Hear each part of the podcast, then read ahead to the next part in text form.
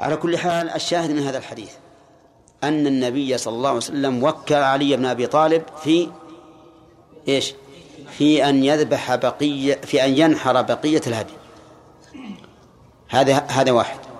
وأمره أن يتصدق وهذا اثنين. ففي هذا دليل على جواز التوكيل في ذبح الهدي.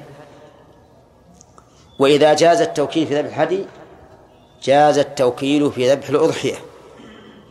لأنهما سواء لا فرق بينهم وكذلك إذا جاز التوكيل في تفريق لحم الهدي جاز التفريق في تفريق جاز التوكيل في تفريق لحم الأضحية. طيب وإذا جاز التوكيل في تفريق لحم الأضحية جاز التوكيل في تفريق الزكاة والصدقة. قياسا لأن الكل مال يخرج تقربا إلى الله عز وجل. قال بعض أهل العلم وفي نحر الرسول صلى الله عليه وسلم ثلاثا وستين بيده مناسبة لسنوات عمره الشريف لأن النبي صلى الله عليه وسلم كان عمره ثلاثا وستين سنة وكان هديه الذي ذكره الذي نحره في آخر سنة من سنواته كم؟ ثلاثا وستين. فتطابق هذا العدد مع عدد سنواته والله أعلم. هل هذا أمر مقصود أو أنه أمر جاء على سبيل المصادفة؟ وعن أبي هريرة رضي الله عنه في قصة العسيف قال النبي صلى الله عليه وسلم اغد واغد يا أنيس على امرأة هذا فإن اعترفت فارجمها. في قصة العسيف. وفي رواية في قصة الأجير. الأجير. والعسيف كالأجير لفظا ومعنى. لفظا لأن كل واحد منها على وزن فعيل. ومعنى لأن العسيف بمعنى الأجير. قصة هذا الرجل أن شخصا استأجر شابا. استأجر شابا يعمل عنده. فزنى هذا الشاب بامرأة الرجل. زنى بها. فلما زنى بها أخبر أبوه بأن عليه الرجم على هذا الشاب. وتعرفون الأب وربما لا يكون له ولد إلا هذا. أدركته الشفقة فقال أنا أعطيكم وليدة ومائة شاة. ها؟ لا الوليدة هي الجارية. ومائة شاة. فافتدى بهذا المال. والذي قال له ذلك اللي قال إن على ابنك الرجم جاهل. انظر إلى ضرر الفتية بجهل. قال ولدك هذا يرجع فصدق الرجل لأنه جاهل. فافتداه بمائة شاة ووليدة وافتك. يقول ثم إني سألت أهل العلم شوف العلم فأخبروني بأن على ابني مئة جلدة وتغريب عام وأن على امرأة الرجل الرجم. ثم قال الرسول عليه الصلاة والسلام والذي نفسي بيده لأقضين بينكما بكتاب الله. الوليدة والغنم رد عليك. رد بمعنى مردود. كما في قوله صلى الله عليه وسلم من عمل عمل ليس عليه أمرنا فهو رد. الغنم والوليدة رد عليك لأنها أخذت بغير حق. وما أخذ بغير حق وجب رده ليطابق الحق. وعلى ابنك جلد مئة وتغريب عام. ليش؟ لأنه غير محصن. والزاني غير المحصن يعني الذي لم يتزوج ويجامع زوجته عليه جلد مئة وتغريب عام. واغد يا أنيس الشاهد هنا. واغد يا أنيس لرجل من أسلم. اغد يا أنيس إلى امرأة هذا فإن اعترفت فارجمها. فغدا أنيس إلى امرأة الرجل فاعترفت فرجمت. والشاهد من هذا الحديث أن النبي صلى الله عليه وسلم وكل هذا الرجل في إثبات الحد وفي تنفيذ الحد يعني استيفاءه يعني استيفاءه. فدل هذا على أنه يجوز للإمام أن يوكل من إيش؟ من يثبت الحد بالإقرار أو بغيره. ويجوز أيضا للإمام أن يوكل من يستوفي الحد. فلو قال مثلا الإمام أو القاضي أو من له تنفيذ الحدود يا فلان اذهب إلى الشخص فإن اعترف بالسرقة فاقطع يده. فذهب إليه فاعترف بالسرقة. نعم. فإنه يقطع يده بناء على توكيل الإمام. بناء على توكيل الإمام. في هذا الحديث قال النبي صلى الله عليه وسلم فإن اعترفت. إن اعترفت فارجمها ولم يقل إن اعترفت أربع مرات ولا إن اعترفت مرتين. قال إن اعترفت. ففيه دليل على أن الاعتراف بالزنا يكفي فيه مرة واحدة. يكفي فيه مرة واحدة. وقد جرى مثل ذلك للغامدية حيث اعترفت مرة واحدة فأمر النبي صلى الله عليه وسلم بإقامة الحد عليها. وفعلا قال الرسول أتريد أن ترددني كما رددت ماعزا؟ رضي الله عنه. لكن يشكل على هذا قصة ماعز بن مالك رضي الله عنه حيث جاء إلى رسول الله صلى الله عليه وسلم فقال إني زنيت. فتنحى عنه الرسول تنحى عنه أعرض عنه. فعاد عليه. وقال يا رسول الله إني زنيت. فتنحى عنه. فعاد عليه ثالثة. فتنحى عنه. فعاد عليه رابعة. وقال إنه زنيت إنه زنى. قال إنه زنى. فقال شهدت على نفسك أربعا. ثم سأل. قال أبيه جنون يسأل قال أبك جنون؟ قال لا. وسأل عنه من يعرفه؟ هل في الرجل شيء؟ حتى ذكر أن الرسول أمر من يقوم يستشم. لعله شرب خمرا. فلما تمت القضية أمر النبي صلى الله عليه وسلم برجمه. فرجمه الناس. خرجوا به فرجموه فلما أذلقته الحجارة ومسته هرب رضي الله عنه.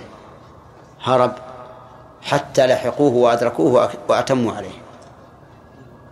فلما بلغ ذلك النبي صلى الله عليه وسلم قال لهم هل لا تركتموه يتوب؟ فيتوب الله عليه. الله أكبر. ما عنفهم ولا قال إضمنوا الرجل. لأنهم إنما رجموه بأمر من؟ بأمر رسول صلى الله عليه وسلم. ولا علموا أنه إذا إذا إذا هرب يترك. ما علموا. فهم استندوا على أمر شرعي. طيب المهم أنه أن بعض أهل العلم أخذ بحديث ماعز وقال لا بد في الإقرار بالزنا من أربع مرات. وقالوا إن النبي صلى الله عليه وسلم قال شهدت على نفسك أربعا. وقالوا إنه لما كان لا بد من الزنا لا بد من ثبوت الزنا لا بد في ثبوت الزنا من شهادة أربعة رجال كان لا بد في الإقرار به من تكرار الإقرار أربع مرات. ولكن كل هذه أدلة ضعيفة. والصحيح أن الزنا يثبت بالإقرار مرة. إذا تمت شروط الإقرار. ولا يحتاج إلى تكرار. لأنه شهد على نفسه. شهد على نفسه. قال الله تعالى يا أيها الذين آمنوا كونوا قوامين بالقسط شهداء لله ولو على أنفسكم. وهل الشاهد إذا شهد نقول كرر شهادتك؟ لو جاء إنسان يشهد قال أشهد أن فلانا يطلب فلانا مئة ريال. نقول كرر؟ لا ما نقول. هذا شهد على نفسه ما حاجة أن نكرر وقصة ماعز قضية عين. ما قال الرسول صلى الله عليه وسلم من لم يشهد على نفسه أربع مرات فلا تقيم عليه الحد. قضية عين. ويظهر فيها من إذا تأملتها يظهر فيها أن رسول الله صلى الله عليه وسلم رأى من هذا الرجل أنه لا بد من استثبات. ولهذا سأله أبك جنون وأمر من يستشمه وسأل عنه من حوله. كل هذا مما يدل على إيش؟ على أن الرسول صلى الله عليه وسلم أراد بالتكرار إيش؟ الاستثبات والتثبت. لأن المسألة ما هي هينة؟ المسألة فيها قتل. سيرجم حتى يموت. فلهذا استثبت الرسول صلى الله عليه وسلم. طيب. وأما قولهم. إن الرسول قال شهدت على نفسك أربع مرات فنعم. يقول الرسول ما قال ولو شهدت أقل ما أقمنا عليك. قال شهدت على نفسك يعني والآن ما بقي شيء. وأما قياسه على الشهادة فمن أبطل القياس. لأننا لو لو قسناه على الشهادة لقلنا إذن والمال إذا أقر به فلا بد من ها؟ لا لا. لا بد من مرتين. لا بد من مرتين. لأنه لا بد من رجلين في المال. فلا بد من من, من الإقرار مرتين ولم يقل به أحد. حتى الذين قالوا بالإقرار أربعا في الزنا ما قالوه في بالإقرار مرتين في في الأموال وشبهها. طيب. ويدل لذلك حديث أنيس حديث أبي هريرة حيث قال الرسول صلى الله عليه وسلم لأنيس إن اعترفت فارجمها. ولا ولم يقل إن اعترفت أربعا. ولكن في الحديث إشكال. حديث أبي هريرة هذا فيه إشكال. وهو كيف يقول الرسول صلى الله عليه وسلم لأنيس اذهب فإن اعترفت فارجمها. مع أن الأفضل لمن أتى حدا أن يستر على نفسه. ولا ينبغي لمن زنى أن يذهب للقاضي يقول ترى إني إنه زنى. يعني فعل ماعز جائز وليس هو هو الأفضل. بل الأفضل أن يستر الإنسان على نفسه ويتوب إلى الله فيما بينه وبين ربه. فكيف يأمر النبي صلى الله عليه وسلم أنيسا أن يذهب ليس ليقرر المرأة يا جمال؟ أنت معنا؟ نقول إنما ذهب إنما أرسل النبي صلى الله عليه وسلم إليها لأن المسألة اشتهرت. المسألة اشتهرت. ولا لا؟ اشتهرت. فالرجل صار يسأل عن الناس. ولأن زوج المرأة حاضر ووافق على قول والد العسيف. وافق عليه. واضح؟ فهذا قرين أيضا تدل على أن الأمر واقع. وما دام وقع واشتهر فلا ينبغي كتمانه لأن هذا ضرر. إذا اشتهرت الفواحش وكتمت ففيها شر. فلما اشتهر هذا الأمر كان لا و... لا وجه لستره. ولذلك أرسل النبي صلى الله عليه وسلم إليها من يقررها فلما أقرت رجمها. طيب. هل يجوز التوكيل في الصلاة؟ إنسان قال لأخيه أخي أنا والله الآن في جنوب وبنام قبل أن يؤذن العشاء ولكن من فضلك إذا أذن العشاء فصل ركعتين إيه، فصل العشاء وكلتك. ما يجوز؟ طيب إذا وكله في الوضوء والصلاة يعني ما قال أنا أتوضأ وأنت تصل وكله في الوضوء والصلاة. ها؟ ما يصح؟ لماذا؟ لأن ما هذه متعلق عبادة متعلقة ببدن الإنسان. طيب لو وكله في الصوم ها؟ لا يجوز لا يجوز. طيب وكله في الحج؟ ها؟ فيه تفصيل فيه تفصيل. إذا كان عجز عن الحج عجزا مستمرا جاز كما جاءت به السنة. وإلا فلا يجوز.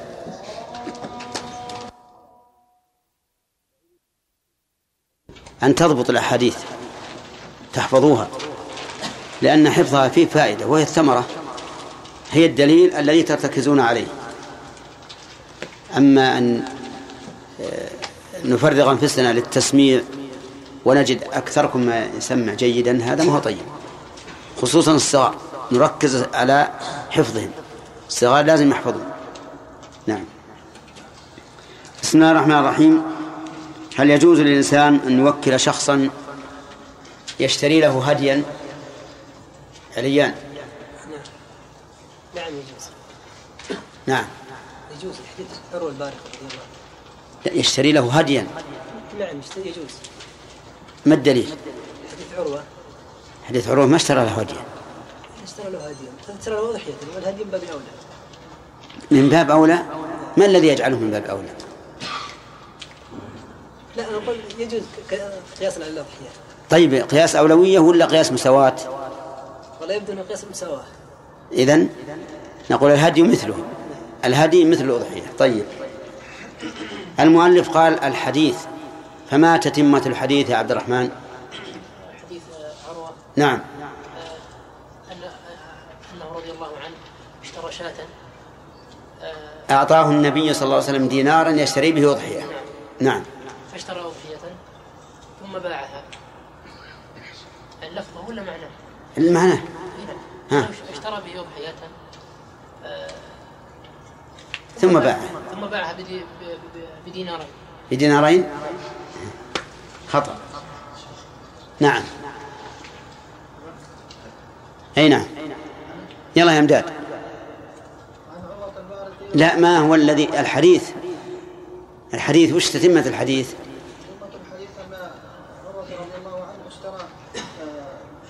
شاتين اشترى بالدينار شاتين ثم باع إحداهما بدينار. أحسنت. فدعا له النبي صلى الله عليه وسلم. فما كان يبيع شيئا إلا ويربح فيه فكان لا يبيع شيئا إلا ربح فيه حتى لو باع التراب. لربح فيه. طيب.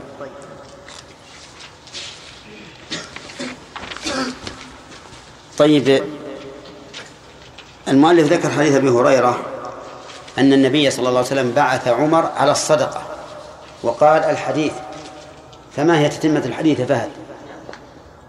الحديث انه قال فقيل منع ابن جميل خالد بن الوليد والع- والعباس قال النبي صلى الله عليه وسلم ما يكون ابن ابن جميل الا انه الا انه كان فقيرا فاغناه الله واما خالد فانكم تظلمون خالدا وقد احتبس ع- ذراعه واعتاده في سبيل الله واما العباس فهي علي ومثل- ومثلها معها ثم قال يا عمر اما شعرت ان عم الرجل اما ان عم الرجل اسم أحسنت بارك الله فيك.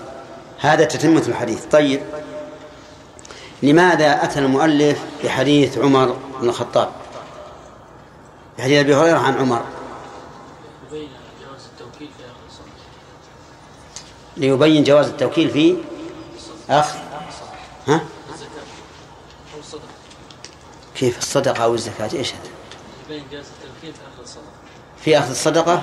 تطوع ولا الزكاة كذا هو عاوز طيب. ما تقولون في, في قوله كلاهما؟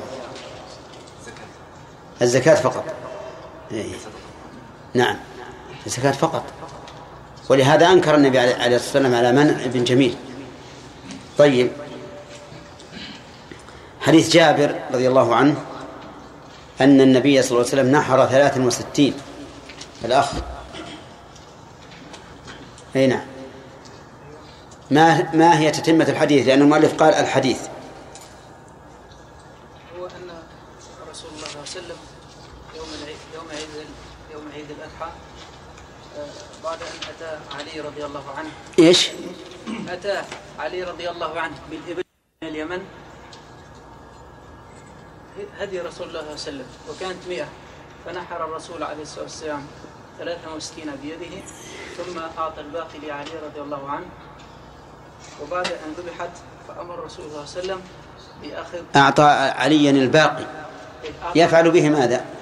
كي يذبحها كي يذبحه ولا ينحره؟ هو في الحديث ورود في الحديث ورد يذبحها في الحديث يذبحه؟ نعم أمر علي أن يذبح الباقي. إيه. لا المراد ينحر ينحر. نعم طيب. ثم أمر الرسول ثم أمر الرسول عليه الصلاة والسلام أن يؤخذ من كل ناقة لا. قطعه نعم. وطبخت وضعت في قدر وطبخت كلها ثم أكل الرسول صلى الله عليه وسلم منه وشرب الماء شرب من مرقها لماذا أتى المؤلف بهذا الحديث؟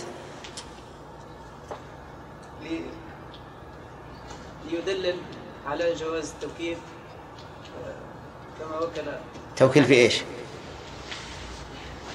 إلى ذبح نحر نحر الإبل. في نحر الإبل لا أحد يشك هذا في هذا. في نحر الإبل ما حد يشك. نص.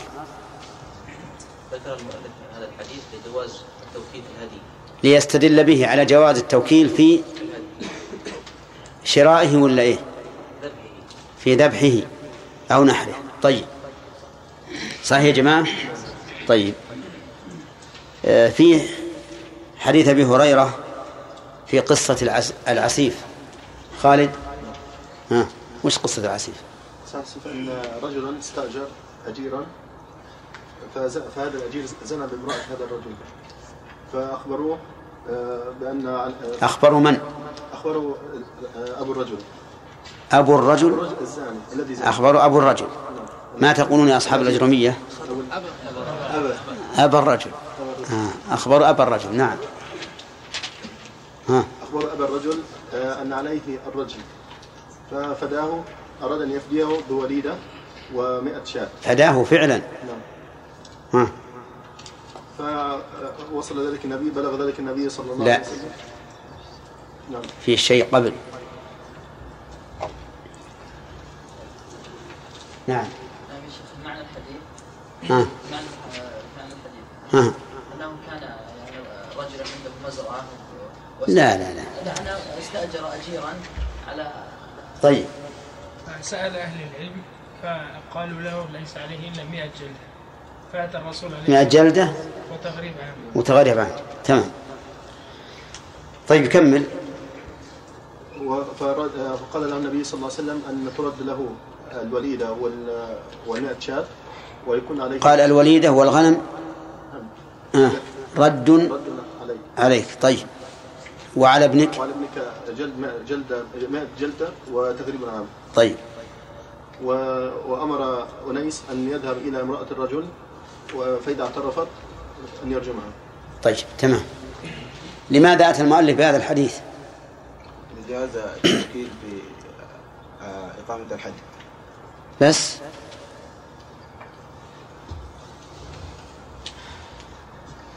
ما عندك شيء يا هداية الله؟ جواز التمكين يمكن الحد مرة واحدة. يكفي. لا لا لا. جواز التوكيل في إثبات الحد في استيفائه في إثبات الحد واستيفائه إثبات الحد لقوله فإن اعترفت واستيفائه فارجمها. كذا؟ طيب أما أما فوائد الأحاديث فلو قال قائل ها؟ إيش؟ ما أخذناه ها؟ طيب. طيب ناخذ ناخذ فوائد. بسم الله الرحمن الرحيم.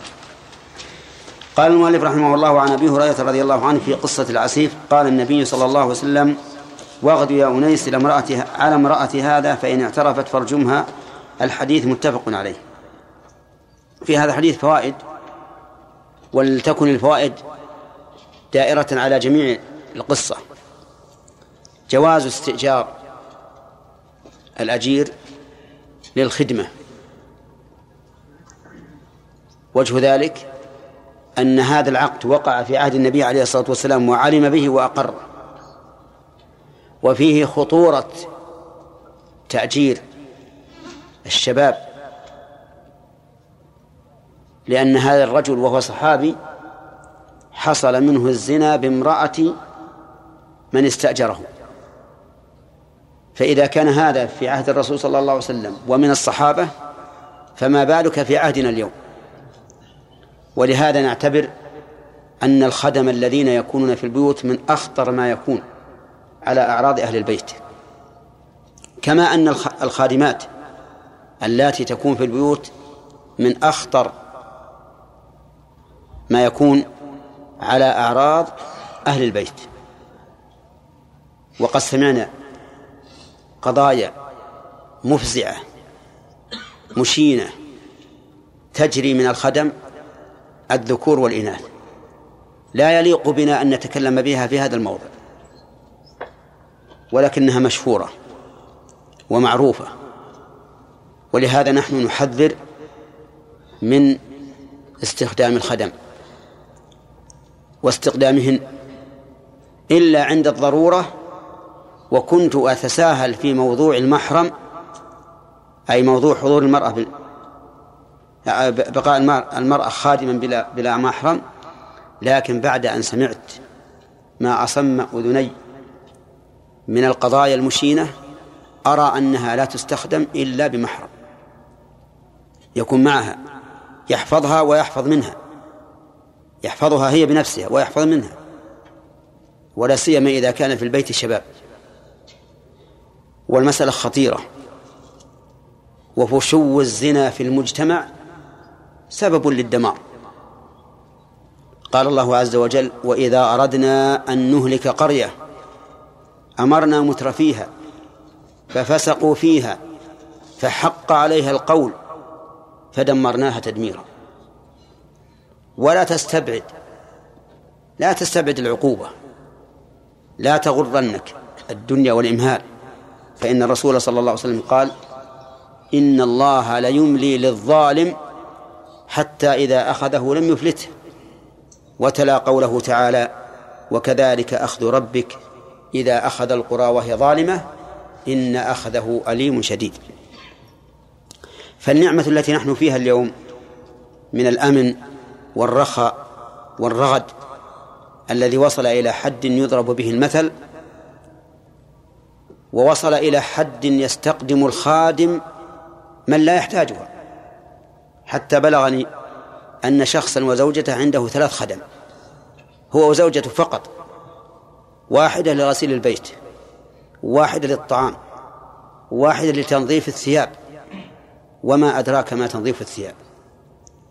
أمور مفزعة مشينة والذي يحمل على هذا الترف والغفلة عن توجيهات الشرع وإرشاد الشرع حيث نهى عن البذخ ونهى عن الإسراف وأمر بالاقتصاد ولكن مع الأسف الشديد أن غير المسلمين خير من المسلمين في هذا الباب في باب الاقتصاد والحرص على حفظ الوقت وعلى حفظ المال.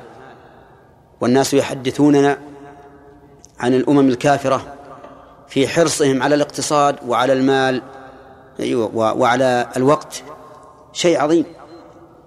نعلم أن ما ذهبوا إليه وساروا عليه هو الشرع لكننا أضعناه وأخذوا به.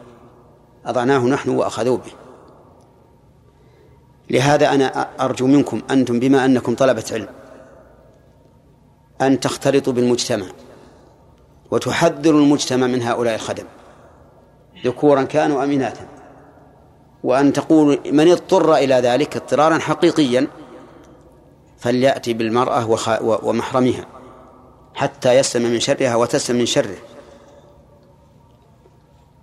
يعني إن الشيطان يجري من ابن آدم مجرى الدم حتى إنه يكون الرجل عنده النساء المتعددات الشابات الجميلات وعمره نحو ستين سنة ثم تأتيه الخادم ويزني بها.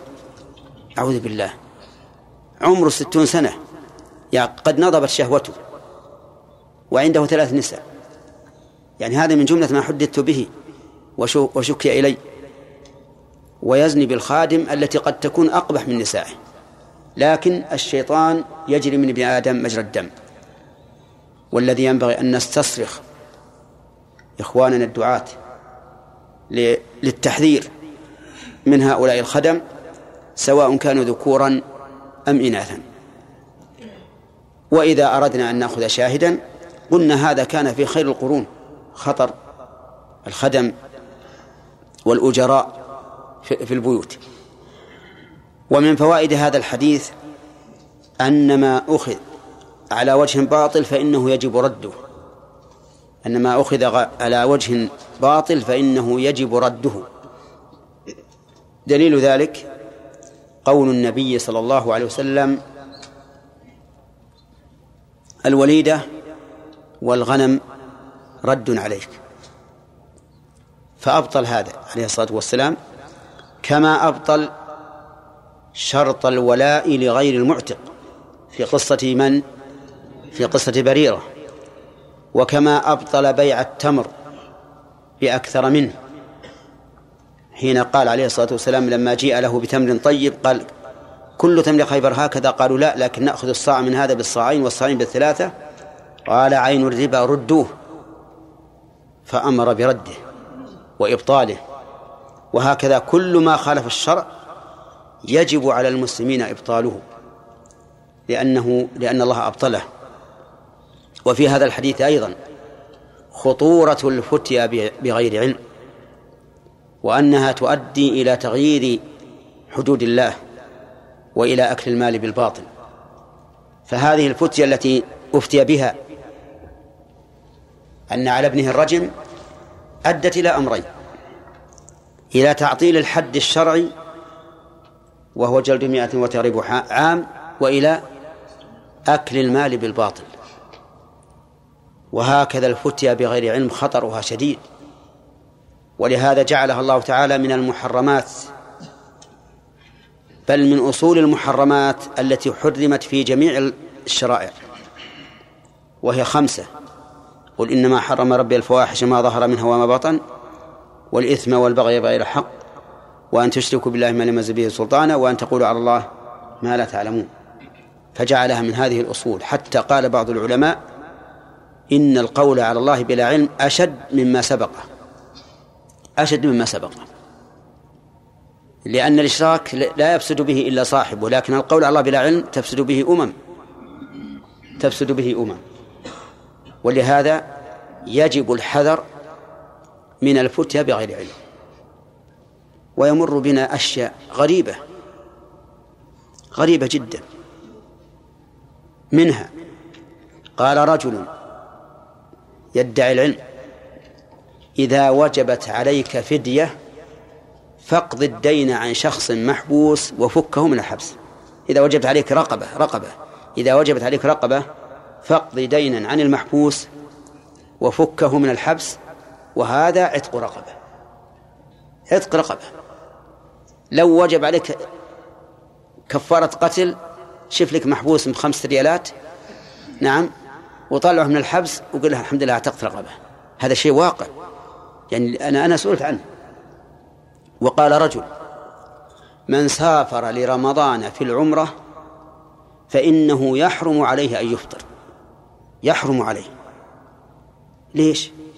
شوف القياس الغريب. قال لأن الصوم واجب والعمرة تطوع والتطوع لا يسقط الواجب. ما شاء الله.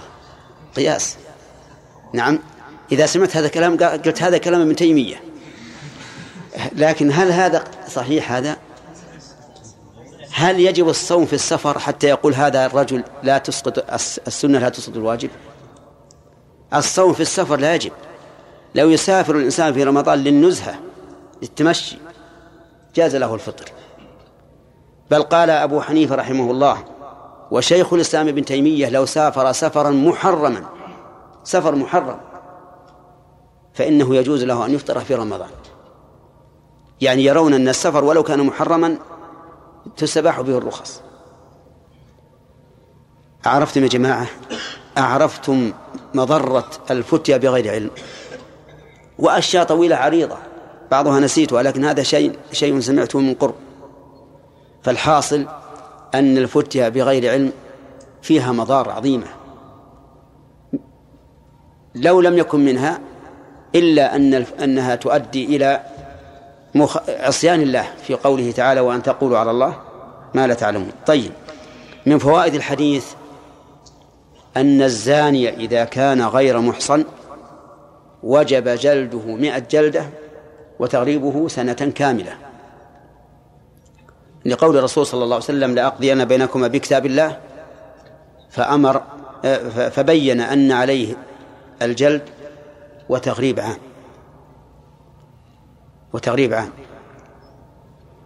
ولكن هذا الحديث فيه إشكال.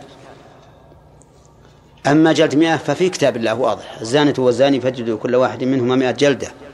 لكن تغريب العام. كيف؟ أين هو في كتاب الله؟ نعم في كتاب الله. لأن ما ثبت بسنة الله رسول الله صلى الله عليه وسلم فقد أوجب الله علينا اتباعه. إذن هو في كتاب الله من حيث وجوب العمل به. من حيث وجوب العمل به. طيب. وفيه أيضا من فوائد الحديث أن المحصن يرجم. الزاني المحصن يرجم. لقول الرسول صلى الله عليه وسلم وغد يا أنيس على امرأة هذا فإن اعترفت فارجمها. والرجم أن يوقف الزاني أمام الناس ويضرب بالحصى. حصى لا كبيرة ولا صغيرة حتى يموت. والمحصن هو الذي تزوج وجامع زوجته. فأما من لم يتزوج فليس بمحصن. ومن تزوج وطلق قبل الجماع فليس بمحصن. لا بد أن يكون تزوج وجامع. ولا فرق بين أن تكون الزوجة باقية معه حتى زنى أو قد طلقها أو ماتت عنه. لا فرق. ومن فوائد الحديث الاكتفاء بمرة في الإقرار بالزنا. وجهه أنه قال فإن اعترفت ولم يقيد الاعتراف بأربع. وهذا هو القول الراجح. وقد سبق بيان رجحانه والإجابة عن حديث من؟ حديث ماعز. طيب. ثم قال المؤلف رحمه الله باب الإقرار. باب الإقرار. الإقرار مصدر أقر ومعناه الاعتراف بالحق الذي عليه سواء كان هذا الحق ماليا أو غير مالي. فالإقرار هو الاعتراف اعتراف الإنسان بالحق الذي عليه. واعلم أن الإنسان إما أن يقر بحق عليه أو يقر بحق له أو يقر بحق لغيره على غيره. كم الأقسام؟ ثلاثة. إذا أقر بحق الله فهو مقر وشاهد على نفسه. وإن أقر بحق على غيره فهو مدعي. مدع على غيره. وإن سماه إقرارا فهو دعوة. وإن أقر بحق لغيره على غيره فهو شاهد. شهد لفلان على فلان. طيب.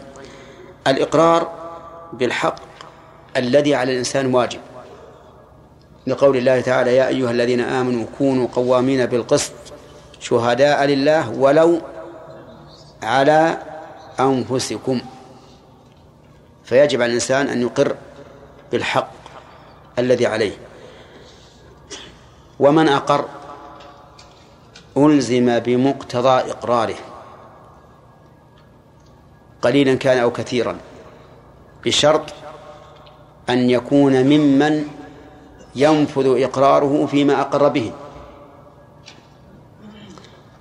إذن لا بد أن يكون بالغا عاقلا رشيدا إذا كان إقراره بالمال أو بما يقصد به المال.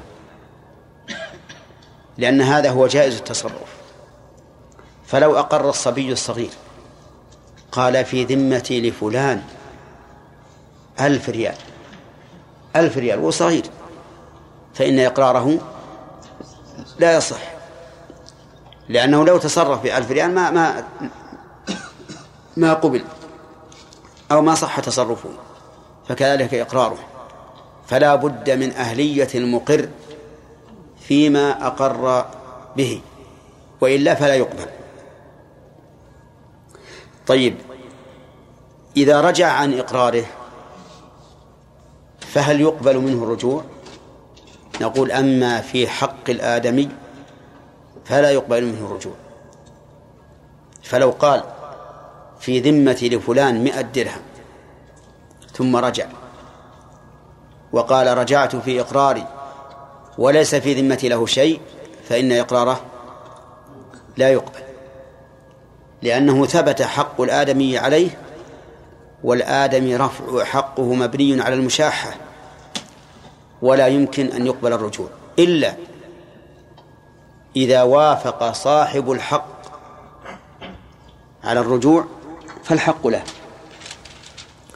وأما في حق الله أما في حق الله فيقبل الرجوع في غير الحد مثل أن يقول أنا لم أؤد الزكاة. لم أؤد الزكاة. ثم رجع وقال قد أديتها. فإننا نقبل منه الرجوع. ونكل أمره إلى إلى دينه. ولا نلزمه بأداء الزكاة. لا نلزمه بأداء الزكاة. وكذلك لو قال أنا لم أصم القضاء الذي علي من رمضان.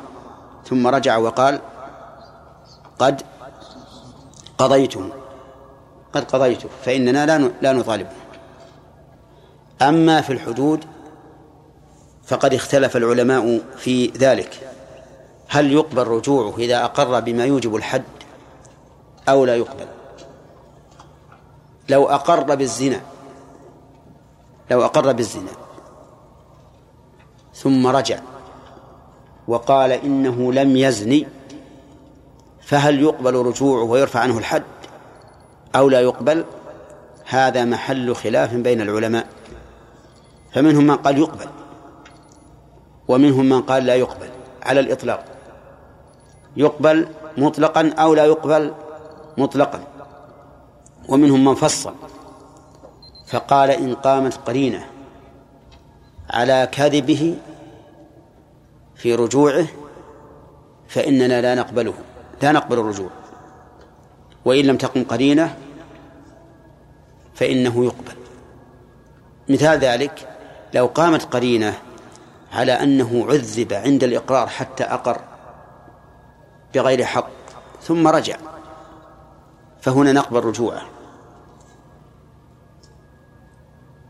ولو قامت قرينة على أن رجوعه ليس بصحيح بحيث يكون قد وصف القضية فقال مثلا أنا قرعت الباب على هذه المرأة في الساعة الواحدة ليلا ودخلت عليها وفعلت فيها الفاحشة وخرجت في الساعة الرابعة ليلا ونمت على سرير صفة كذا وكذا وكانت الحجرة صفتها كذا وكذا طولا وعرضا. ثم بعد هذا كله قال رجعت عن إقراري. هل نقبله؟ أبدا لا نقبله لأن يعني هذه قرائن كلها تدل على على كذبه في الرجوع. طيب ما دليل القائلين بقبول الرجوع فيما يوجب الحد؟ دليلهم حديث ماعز بن مالك رضي الله عنه أنه لما بدأوا يرجمونه وأذلقته الحجارة. نعم هرب. حتى أدركوه أكملوا عليه. فقال النبي صلى الله عليه وسلم هل لا تركتموه يتوب؟ فيتوب الله عليه. فقالوا إذا كان النبي صلى الله عليه وسلم قبل توبة هذا الرجل فقبول الرجوع كذلك. ولا شك أن هذا قياس مع الفارق العظيم. قياس مع الفارق. نعم. لأن المقر أراد رفع الحكم من أصله. أما هذا فقد بقي على إقراره بالزنا لكن أراد المخرج. بماذا؟ بالتوبة. بالتوبة. أراد المخرج بالتوبة. فقال هل لا تركتموه يتوب؟ فيتوب الله عليه. لو أن المقر هذا جاءنا وقال أنا أقررت وأنا لا زلت على إقراري لكن أنا دعوني أتوب إلى الله عز وجل. ولم تبلغ الحدود السلطان فإننا ند- ندعه ونقول دعوه يتوب يتوب الله عليه. أما إذا وصلت إلى السلطان فلا يمكن ترفع. لأن الله قال إلا الذين تابوا من قبل أن تقدروا عليهم. على كل حال لا لا دلالة في حديث ماعز على قبول رجوع المقر. وقد أنكر شيخ الإسلام ابن تيمية دلالة حديث ماعز على ذلك. وقال إنه لو قبل رجوع المقر بالحد عن إقراره ما أقيم حد في الدنيا. لأن غالب الحدود في الزنا إنما تثبت عن طريق الإقرار. بل إن شيخ الإسلام ابن تيمية رحمه الله في كتاب المنهاج السنة قال إنه لم يثبت الحد بالبينة إلى يومنا هذا. كل الحدود اللي أقيمت في الزنا إنما كانت بالإقرار وذلك لأن الشهادة بالزنا ما هي هينة. لابد أن يتفق الشهود على الشهادة ولا بد أن تكون الشهادة على أنهم رأوا ذكره في فرجها. من يرى هذا؟ من يرى هذا؟ صعب. حتى لو رأوه فوقها ما يستطيعون أن يقول إن ذكره في فرجها ولذلك ما ثبت حد زنا بشهود أبدا ولا أظنه يثبت. لكن لو قال لنا قائل يمكن الآن يثبت. بإيش؟ بالتصوير. قلنا ولا يثبت بالتصوير. لأن هناك ما يسمى بالدملجة أو هي الدبلجة والله ما أدري. نعم. المهم يمكن أن يأخذوا من هذا ومن هذا ويكونون صورة. فلسنا على يقين. حتى في التصوير مشكل. والحد لا بد فيه من ثبوت. لا بد فيه من ثبوت. فإذا إذا قلنا بأنه لا بد من أن يقيم المقر على على إقراره. وفتحنا باب الإنكار باب الرجوع. فإنه لا يمكن أن يثبت أن يقام حد بإقرار على سبيل الوجوب لأنه يمكن كل مقر يمكنه أن يرجع لا سيما في عهدنا الحاضر. يحبس ويلقن الرجوع ثم بعد أن يكتب إقراره وإمضاؤه على الإقرار وتثبت كل شيء ويحبس يقول له الذين في الحبس تعال وين أنت رايح؟ انكر. قل هونت عن الرجوع. رجعت عن إقراري رجعت. فيأتي من الغد ويقول رجعت عن إقراري فماذا نقول له؟ ها؟ نقول في أمان الله. رح. بعد العمليات كلها وإضاعة الوقت والإثباتات عليه يرجع في إقراره وي- وي- ويذهب. على كل حال إحنا فهمنا من الآن. الإقرار الرجوع عنه. قلنا أما إذا كان في حق الآدمي فلا يقبل الرجوع. وفي حق الله من العبادات الخاصة يقبل الرجوع. لأن هذا شيء بينه وبين الله. في الحدود في خلاف بين العلماء. والراجح أنه لا يقبل الرجوع ما لم يقم بينة تؤيد رجوعه بحيث يقيم بينة بأنه أجبر أو أكره على الإقرار أو تقوم قرائن قوية بأنه أكره على الإقرار فحينئذ يقبل الرجوع لأن أصل إقراره لأن أصل إقراره لم يثبت ثبوتا شرعيا تبرأ به الذمة. نعم آدم؟ مثلا إذا الدكاترة اجتمعوا بالنسبة لهذا الامراه يعني كل جامعه يعني فيه من الرجل مثلا وفعلا يعني يكون المرأة اللي يقول يعني يكون تعبان شوي بالنسبة لي وش رأيك؟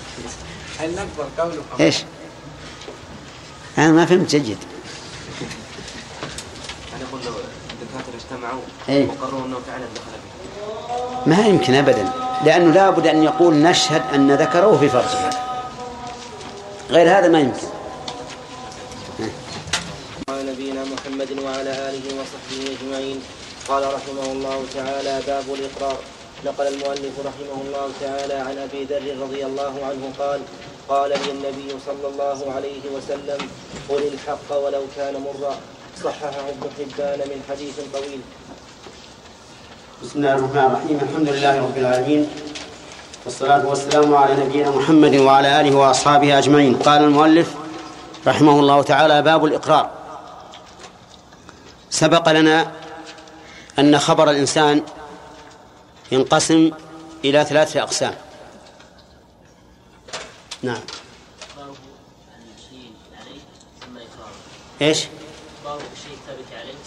إخباره بما عليه. والثاني إخباره بما له عند غيره بما له على غيره. بما له على غيره.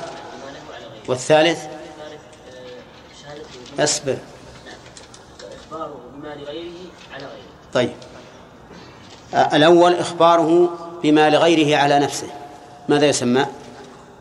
الإقرار كيف؟ إخبار بما بما على بما على غير النفس نعم إقرار بما؟ علم علم إخباره بما لغيره على نفسه. إقرار طيب. شاكر. إخباره بما له على غيره.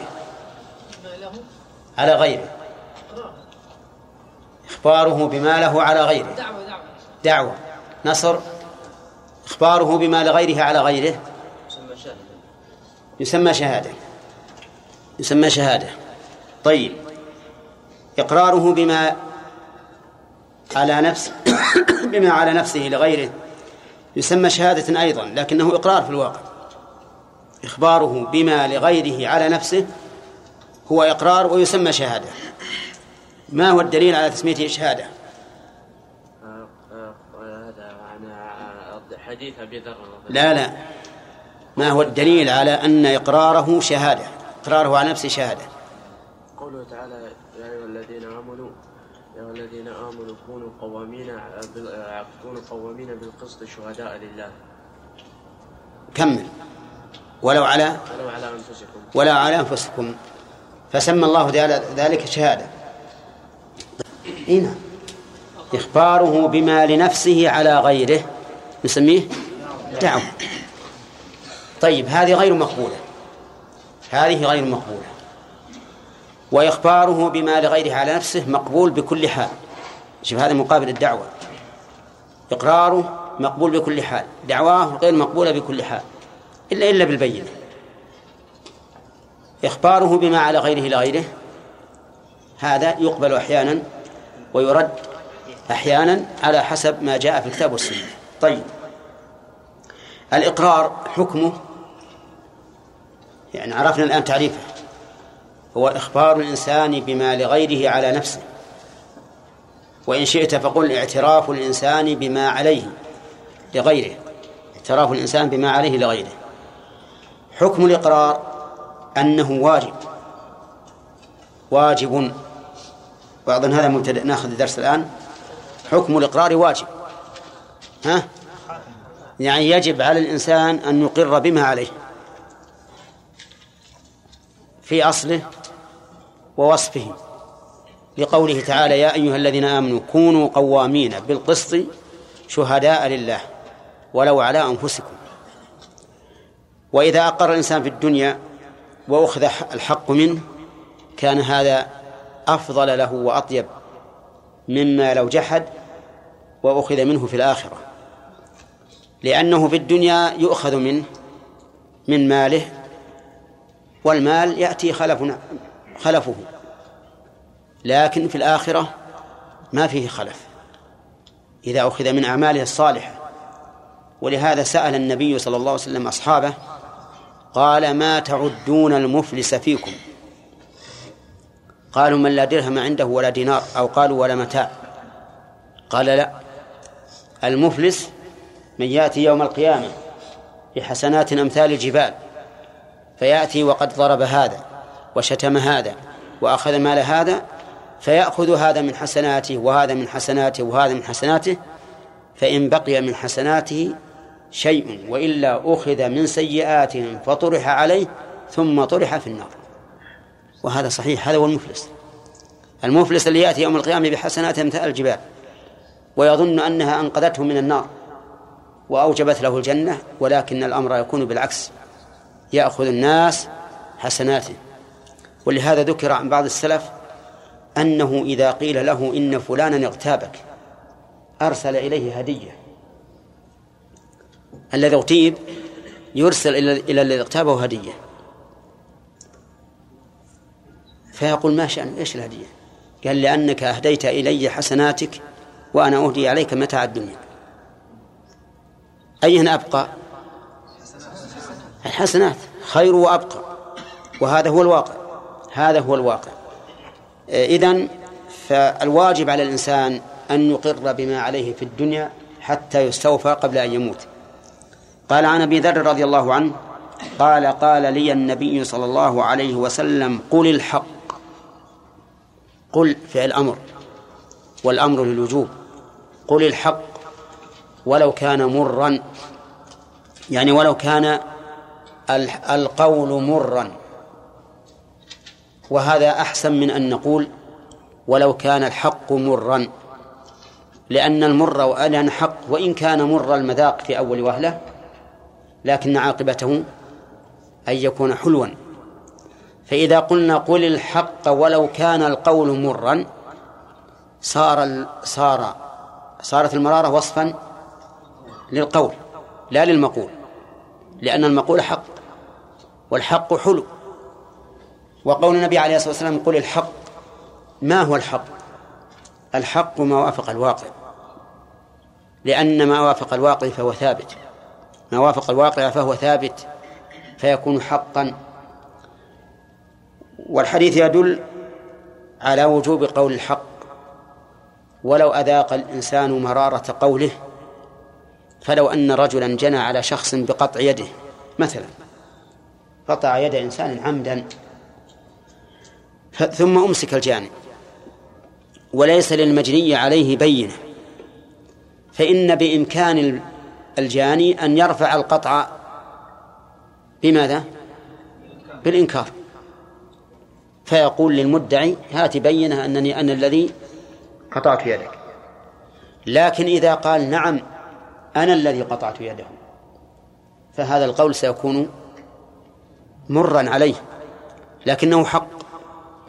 كيف يكون مرا؟ لأنه إذا أقر فسوف تقطع يده. وهذا لا شك أنه مر على الإنسان صعب. لكن المؤمن لا يهمه أن يفوت عضو منه في الدنيا لبقاء حسناته في الآخرة. وظاهر الحديث أيضا أو عموم الحديث يقتضي أيضا أن يقول الحق ولو مرا في غير الإقرار. مثل أن يقول كلمة حق عند سلطان جائر. فإن هذا الحق سيكون مرا لأن السلطان الجائر يخشى من بطشه إذا قيل الحق عنده وهو لا يوافق هواه. أليس كذلك؟ ولهذا ورد في الحديث أعظم الجهاد كلمة حق عند سلطان جائر. نعم. ويشمل حديث هذا ويشمل هذا الحديث أيضا شهادة شهادة الإنسان على أبيه. وعلى ابنه وعلى أخيه وعلى قريبه لأن شهادة الإنسان على هؤلاء ستكون مرة لكنها قول حق. وقد أمر النبي عليه الصلاة والسلام بقول الحق ولو كان القول مرا. ويؤخذ من مفهوم الحديث وجوب اجتناب قول الباطل ولو كان حلوا. أليس كذلك؟ فلا يجوز للإنسان أن يشهد لأحد من أقاربه بشيء وهو يعلم أنه كاذب. وإن كان هذا قد ينال لذة ومتعة بهذه الشهادة للقريب لكن ذلك خلاف الحق فلا يجوز له أن يشهد به. ومن ذلك أيضا إذا كان في قول الإنسان الباطل انتصارا انتصار لنفسه كما يجري بين المنا... بين الطلبة في المناظرات. فتجد الإنسان يعدل عن قول الحق إلى قول الباطل من أجل أن ينتصر لنفسه فيجد في, فيجد في ذلك متعة أنه انتصر ولو بالجدال بالباطل. وهذا حرام. لا تقل الباطل ولو كان حلوا. لأن الأمر بقول الحق ولو كان مرا يدل على النهي عن عن قول الباطل ولو كان مرا. ولو كان حلوا. ومن ذلك ما يفعله بعض المنافقين عند السلاطين السلاطين والولاة يأتون إليهم بما يخالف الواقع مما يكون في رعيتهم من أجل أن يدخلوا عليهم السرور في تلك اللحظة فيجدون في ذلك متعة. متعة إنهم قالوا شيئا يعجب رئيسهم ومديرهم وما أشبه ذلك وإن كانوا يعلمون أن هذا خلاف الواقع فهؤلاء قد جانبوا قد جانبوا الصواب وخالفوا ما أمر به رسول الله صلى الله عليه وسلم لأن الواجب أن تجتنب قول الباطل مهما كان. ولو كان في في القول به إرضاء أبيك أو أخيك أو ابنك أو خالك أو ما أشبه ذلك. وأن تقول الحق ولو كان مرا فيه إغضاب أبيك أو أخيك أو ما أشبه ذلك. قل الحق ولو كان مرا. طيب ما وجه دخول الإقرار في هذا الحديث؟ أن المقر بما عليه يجد أن في هذا الإقرار مرارة لكن يجب عليه أن يقول به ولو كان مرا. عدل المؤلف عن حديث أبين في في الإقرار من هذا وهو ما يروى عن النبي صلى الله عليه وسلم أنه قال لا عذر لمن أقر لا عذر لمن أقر. هذا الحديث روى عن النبي عليه الصلاة والسلام لكنه ضعيف إلا أن الفقهاء رحمهم الله يعبرون به في كتبهم ويقولون لا عذر لمن أقر. لا عذر لمن أقر. طيب. وإذا أقر الإنسان بما عليه فهل يجب أخذه بمقتضى هذا الإقرار؟ الجواب؟ نعم. هل يقبل رجوعه عن هذا الإقرار؟ في ذلك تفصيل. إن كان في حق المخلوق فإن رجوعه لا يقبل. إن كان في حق المخلوق فإن رجوعه لا يقبل. وإن كان في حق الخالق ففيه خلاف وتفصيل بين أهل العلم. فيه خلاف وتفصيل بين أهل العلم وأظن أني أشرت إليه فيما سبق. ثم قال المؤلف رحمه الله باب العارية ويقال العارية بالتشديد. والعارية من الإحسان.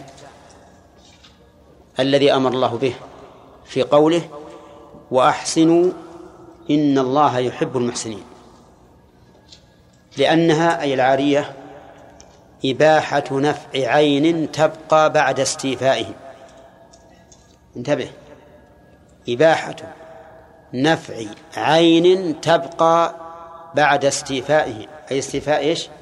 النفع. وتأمل التعريف إباحة النفع. وليست تمليك النفع. ما هي تمليك؟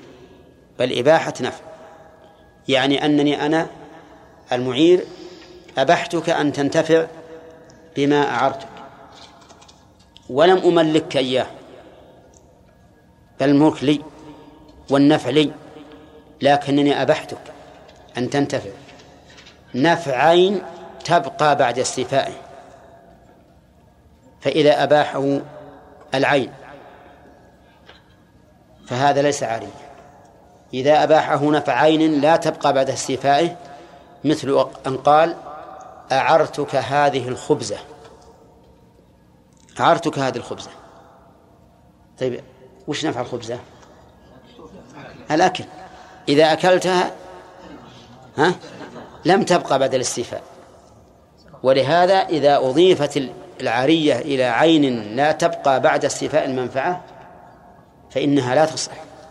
لكن عاد هل تنزل على المعنى الذي تصح عليه وهو الهبة؟ أو يقال لم تصح العارية مطلقا وأن هذا المستعير إذا أكل الخبزة التي أعير فإنه يضمن قيمتها لأن العارية لم تصح. أو يقال إنها تصح على الوجه الذي يمكن أن أن تنزل عليه من وجوه الانتفاع. طيب. وقولنا إباحة نفع وليس بتمليك. يستفاد منه أن المستعير لو أراد أن يؤجر العين التي استعارها فإنه لا يملك ذلك. لماذا؟ لأن النفع ليس ملكا له أو لأن المنفعة ليست ملكا له لكن أبيحت له إباحة. أبيحت له إباحة. طيب لو أراد أن يعيرها مثل أن يستعير شخص كتابا من, زميله ثم يطلبه زميل آخر فيعيره إياه. فهل يملك؟ لا لأنه لم يملك لم يملك النفع. وإنما أبيح له أن ينتفع. أبيح له أن ينتفع. ونظير ذلك من بعض الوجوه أن الإنسان لو مر بنخل عليه ثمر وليس عليه حائط ولا حوله ناظر فله أن يقف تحت الثمر ويأكل حتى يملأ بطنه.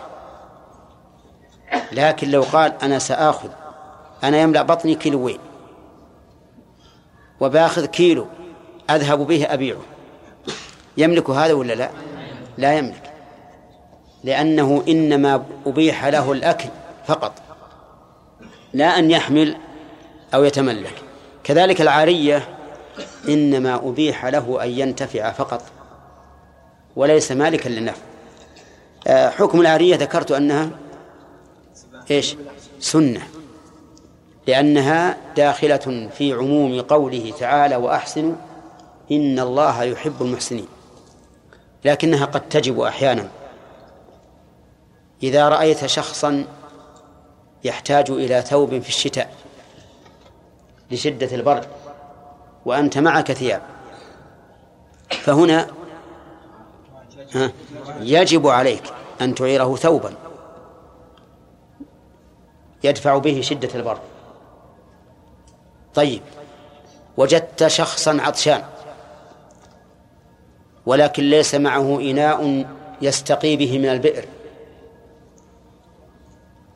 ومعك إناء دلو يمكن أن يستقي به من البئر. حكم العارية واجبة واجبة لأن فيها إنقاذ لمعصوم. طيب إنما الأصل فيها أنه مستحب. جاءك شخص يستعير منك سلاحا لينحر به ناقة فلان فيأكلها. حرام؟ عارية. يقول بس أعرني إياها لمدة ساعة ورد عليه. ها؟ لأنها إعانة على محرم. إذن فالأصل أنها سنة وقد تحرم وقد وقد تجب.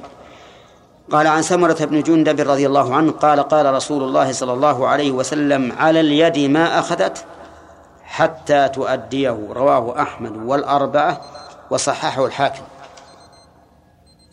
على اليد ما أخذت.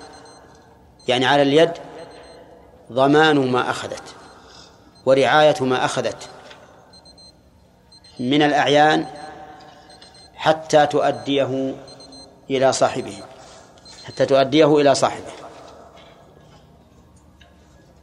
وعموم هذا الحديث يتناول عدة مسائل. أولا ما أخذ على سبيل العارية. ولا لا؟ ها؟ نعم. إذا أخذت منك شيئا عارية فهو علي. علي رعايته وصيانته وحمايته مما يتلفه ورده إليك. نعم. ومنها ما أخذ على سبيل الإجارة. ما أخذ على سبيل الإجارة. كما لو استأجر شخص مني ساعة يستيقظ بها من النوم. فإن عليه حماية هذه الساعة وصيانتها وحفظها مما يضرها وردها إلي. رهن. أخذ مني المرتهن رهنا في دين علي. فعليه ما أخذ حتى يؤديه. المهم كل من أخذ شيئا فإن عليه حماية هذا الشيء والقيام بمصالحه ما دامت ما دام عنده وأداءه إلى صاحبه الذي ما أخذت حتى تؤديه. ومن ذلك ها العارية. فإذا استعار شخص مني كتابا مثلا فعليه حماية هذا الكتاب ورده إلي. لكن ما تقولون في رجل استعار كتابا من أخيه وملأه من الحواشي بخط رديء لا يقرأ مداخل لأسطر الكتاب. وفي النهاية جعله كراريس بدل ما كان محبوك محبوكا. يجوز ولا ما يجوز؟ إذا قال هذا المستعير أنا فعلت كذلك لأجل يكون في حواشي كثيرة تنفعك. ولكن حواشي غلط. بدل ما يكتب الفاعل مرفوع يكتب الفاعل منصوب بالكسرة. خرب الكتاب. هذا نقول حرام عليه. حرام عليه أن يفعل هذا. بل لو وضع حاشية مفيدة صحيحة كان حرام عليه. حتى يأذن صاحبه. أما تفكيك الكتاب حتى يجعله كراريس ويدعي أن ذلك من مصلحة الكتاب ومن مصلحة القارئ علشان يكون أسهل له. لأن حمل الإنسان ورق عشر ورقات أحسن من حمل كتاب ستمائة صفحة. فيقول أنا جعلت كراريس لأجل أن يهون عليك حمله. فهذا أيضا حرام لا يجوز. لا يجوز. طيب. إذا استعار منشفة تعرفون المنشفة اللي تعلق في الجدار إذا قال الواحد مغسل تنشف بها. من المعلوم أنك إذا تنشفت بها سوف يزول خملها. الخمل اللي فيها الزرع يزول. فهل نقول لا تتنشف بها لأنك إن فعلت زال الشعر الذي فيها أو الخمل؟ ها؟ ما نقول هذا. لماذا؟ لأن هذا من لازم الانتفاع بها. من لازم الانتفاع بها أن يزول هذا. كذلك إنسان أعارني رشا. نعم. تعرفون الرشا؟ طيب. ها؟ ها ماشي إيه لأنكم أنتم من أصحاب الأقلام والمواصيل. الرشا هو شيء يجعل في آه، يربط به الدلو. أتعرف الدلو؟ ها؟ آه، طيب. يربط به الدلو وينزل في البئر ويستقى به.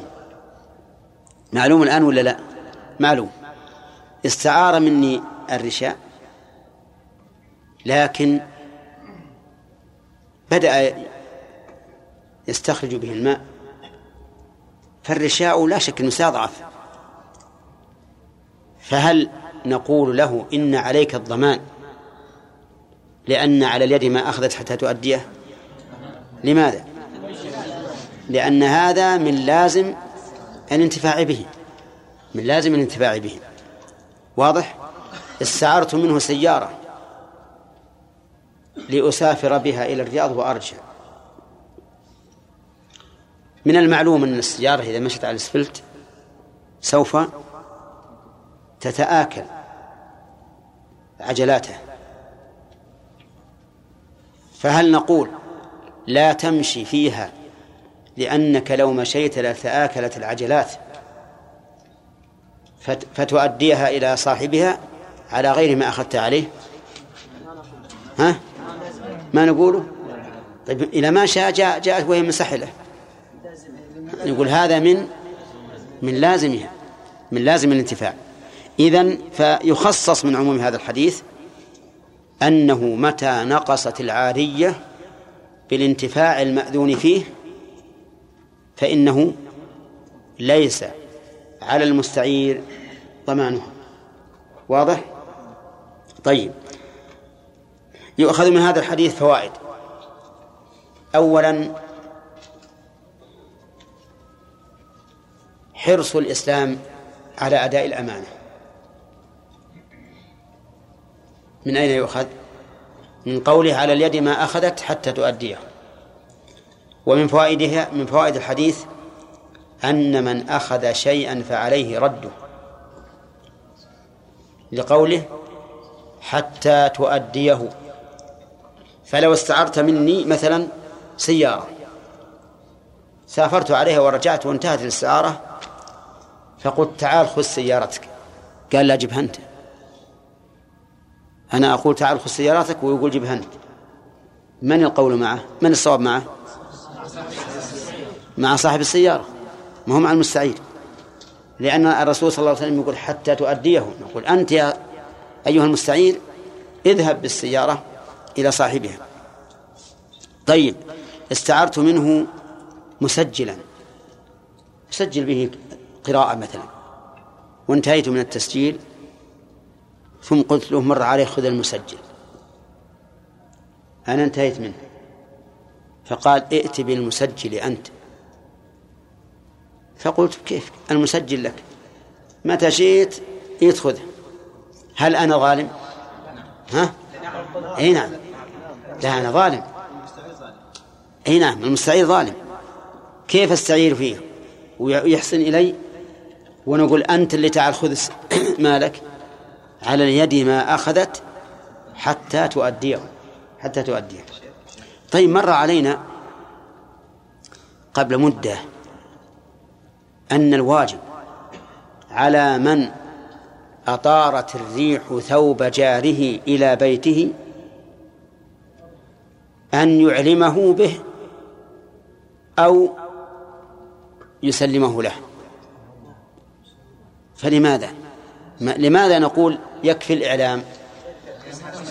آه. لأني ما أخذت لمصلحتي. لم يكن في بيتي لمصلحتي حتى أؤديه. إنما هو أطارته الريح إلى بيتي وأنا لست ملزوما بأن أحمله إليه. وربما يكون الشيء ثقيلا يحتاج إلى مؤونة. قد تحمل الريح من على سطح الجاري شيئا ثقيلا يكون متطرف بمجرد ما جاءته الريح سقط. فحينئذ لازم يحمله. يكفي الإعلام. نعم. يعني لو استعار منه سيارة وضرب الإطار وهو ماشي في الطريق بغير يعني هذا الإطار ضرب بغير فعل المستعير ما ليس عليه ضمان. بيجينا إن شاء الله هذا. لا نخليها بعد. نخليها بعد. نعم. إيش؟ اي نعم. نخيل السوق. نعم.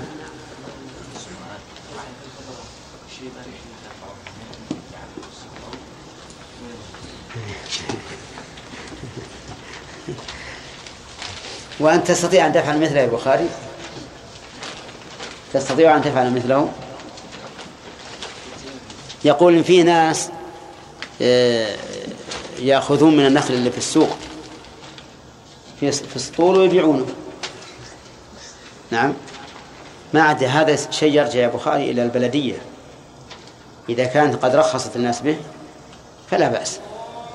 الله تعالى باب العارية. تعريفها خالد؟ العارية نعم. هي إباحة نفع عين تبقى بعد استيفائه إباحة نفع عين تبقى بعد استيفائه لماذا سميت عارية؟ سميت عارية نعم. والله أنها عارية لأنها عارية من من العوض. لع... نعم. لعروها من العوض. طيب. حكمها. حكم العارية. مستحبة. دليل؟ لا. يسمى ما يدل على الاستحباب خالد؟ قوله تعالى وأحسنوا إن الله يحب المحسنين. طيب. هل العارية مضمونة أو غير مضمونة؟ إذا كانت إذا كانت بنتيجة خربت بنتيجة تلف منه. فهو, فهو يضمن. وإن كانت بأمر من الله أي أي بأنه آه، لا لا لم يتعدى ولم يفرط. لم يتعدى ولم يفرط فلا يضمن ذلك فلا ضمان عليه. طيب. ما معنى قوله على اليد ما أخذت حتى تؤديه؟ أنت الأخ. نعم. أي إذا الإنسان أعطى شيء إذا أخذ شيء لا ت- تبرر ذمته حتى يرجع إلى صاحبه. إلى صاحبه. إلى صاحب الحق.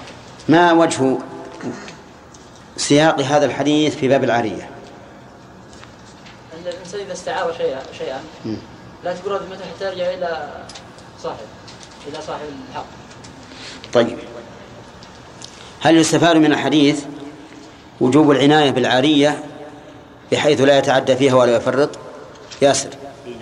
يستفاد من من أين أخذ؟ النبي صلى الله عليه وسلم قال على اليد ما أخذت حتى تؤديه إما وجه الأخذ وجه وجه الاخذ النبي صلى الله عليه وسلم اوجب إذا أخذ الإنسان إذا أخذ الإنسان بيده شيئا أن يرده إلى من أخذه منه. فهذا فيدل الحديث على وجوب الامانه وعلى وجوب رده. ما هو الرد حفظ العارية.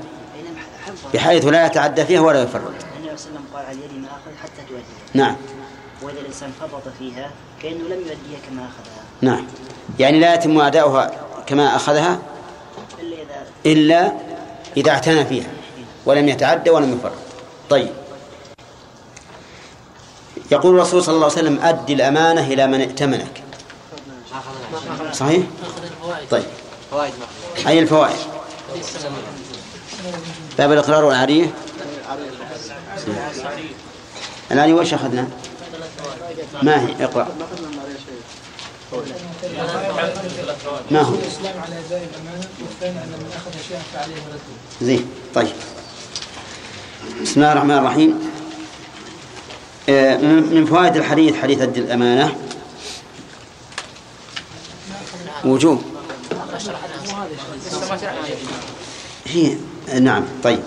هذه السمرة على اليد ما أخذت من فوائده؟ وجوب العناية بالعارية وحفظها عن التلف لأنه لا لأنه لا يمكن أداؤها كما أخذها الإنسان إلا بذلك. ويترتب على هذه الفائدة أنه لو تعدى أو فرط أو فرط فهو ضامن لأنه ترك ما يجب عليه. ومن ترك ما يجب عليه لم تكن يده يد أمانة. وكل يد ليست يد أمانة فإنها ضامنة. أما حديث أبي هريرة فقال النبي صلى الله عليه وسلم أد الأمانة إلى من ائتمنك. أدي الخطاب لواحد لكن المراد به كل من يتأتى خطابه. وعلى هذا فيشمل فيشمل جميع الأمة. أدي أيها المخاطب الذي تعقل الخطاب أدي الأمانة يعني ما اؤتمنت عليه إلى من ائتمنك. فأدها كاملة بدون تعد ولا تفريط. ولا نقص. ولا تخن من خانك. الخيانة هي الغدر في موضع الائتمان. الغدر بالشخص في موضع الائتمان يسمى خيانة. قال النبي عليه الصلاة والسلام لا تخن من خانك. وإنما قال لا تخن من خانك لأن من خان الإنسان فقد تأمره نفسه أن يخونه كما خانه أولا. فيجازي يجازي بمثله. طيب. هذا الحديث يستفاد منه فوائد. منها وجوب أداء الأمانة ومن بينها العارية. وهذا وجه استشهاد المؤلف بهذا الحديث. ومن فوائد الحديث أيضا أن الإنسان لا يرد الأمانة إلا إلى من ائتمنه فلا يردها إلى شخص آخر. إلا أن تقوم بينة أو قرينة فليفعل. بينة مثل أن يأتي شخص ببينة بأنه أمره صاحب الأمانة بأن يقبضها. فهنا يتعين أن ترد إليه بالبينة. القرينة مثل أن يردها إلى من يحفظ ماله عادة. كرجل استعار من شخص إناء. ثم عاد فقرع بيته فسأل عنه قالوا إنه في السوق فأعطاه أهل البيت. أعطى الإناء الذي استعاره أهل البيت. يبرأ بذلك؟ نعم يبرأ لأن هذا هو ما جرت به العادة.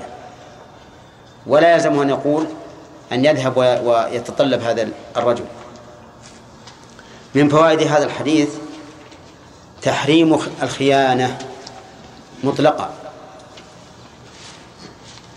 لقوله لا تخن من خانك. أما تحريم الخيانة لمن خانك فهو منطوق الحديث. وأما تحريم الخيانة ممن لم يخنك فلأن هذا من باب أولى. من باب أولى. وما كان من باب أولى فقد اختلف العلماء. هل هو داخل في المنطوق دخولا لفظيا ويكون ذكر الأدنى تنبيها على ما فوقه أو هو داخل بالقياس فيكون اللفظ لا يتناوله لكن تناوله من حيث المعنى؟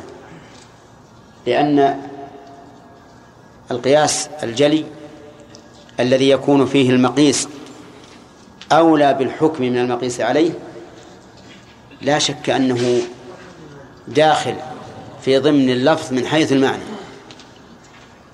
على كل حال إذا كان الحديث يدل على تحريم الخيانة ممن خانك فإنه يدل على تحريم الخيانة ممن العلماء أخذ بظاهر الآية وأعل الحديث وقال إن الحديث ضعيف.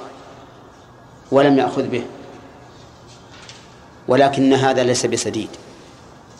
والجمع بينهما أن نقول إن العدوان ليس فيه ائتمان المعتدي عليك اعتدى عدوانا ظاهرا. لكن الذي ائتمنك لا يجوز أن تعتدي عليه في مقابل أنه خانك. لأن مقتضى الأمانة دفع الخيانة. وأنت أمين. فليس هذا من باب فمن اعتدى عليكم فاعتدوا عليه بمثل ما اعتدى عليكم. فإن قال قائل ما الجمع بين هذا الحديث وبين حديث هند بنت عتبة حين شكت زوجها أبا سفيان إلى رسول الله صلى الله عليه وسلم وقالت إنه لا يعطيني ما يكفيني وولدي؟ فقال خذي ما يكفيك وولدك بالمعروف. فالجواب على ذلك أن نقول هذا ليس فيه ائتمان فأبو سفيان لم يأت منها على ماله لكن هي أخذت قدر حقها الواجب عليه من ماله بدون ائتمان وهناك فرق بين رجل يأخذ ما يجب له بدون ائتمان وبين شخص ائتمنه غيره فخان الأمانة. يبقى النظر إذا قال قائل إذا قلتم بهذا فقولوا من كان له على شخص دين وقدر على شيء من ماله قدر على شيء من ماله فله أن يأخذ بمقدار دينه. لأن لأن المدين لم يأتمن لم يأتمن فهو يأخذ من ماله بقدر دينه. كما أذن النبي صلى الله عليه وسلم لهند أن تأخذ من مال زوجها بدون علمه.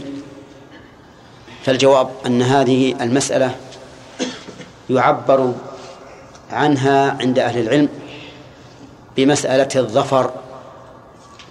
مسألة الظفر يعني الذي يظفر بمال شخص له عليه حق هل يأخذ بقدر حقه أو لا؟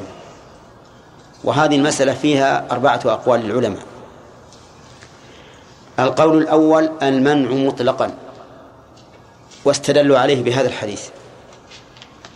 القول الثاني الجواز مطلقا واستدلوا عليه بالآية فمن اعتدى عليكم فاعتدوا عليه بمثل ما اعتدى عليكم حتى إن ابن حزم رحمه الله قال يجب أن تأخذ من ماله بمقدار ما ما لك لأن الله أمر قال فاعتدوا عليه بمثل ما اعتدى عليكم لكن هذه من ذاته لأن قوله فاعتدوا ليس على سبيل الوجوب بل على سبيل الإذن والإباحة. ولهذا لو لو لو, لو أسقطت حقك وسمحت كان هذا جائزا بالاتفاق.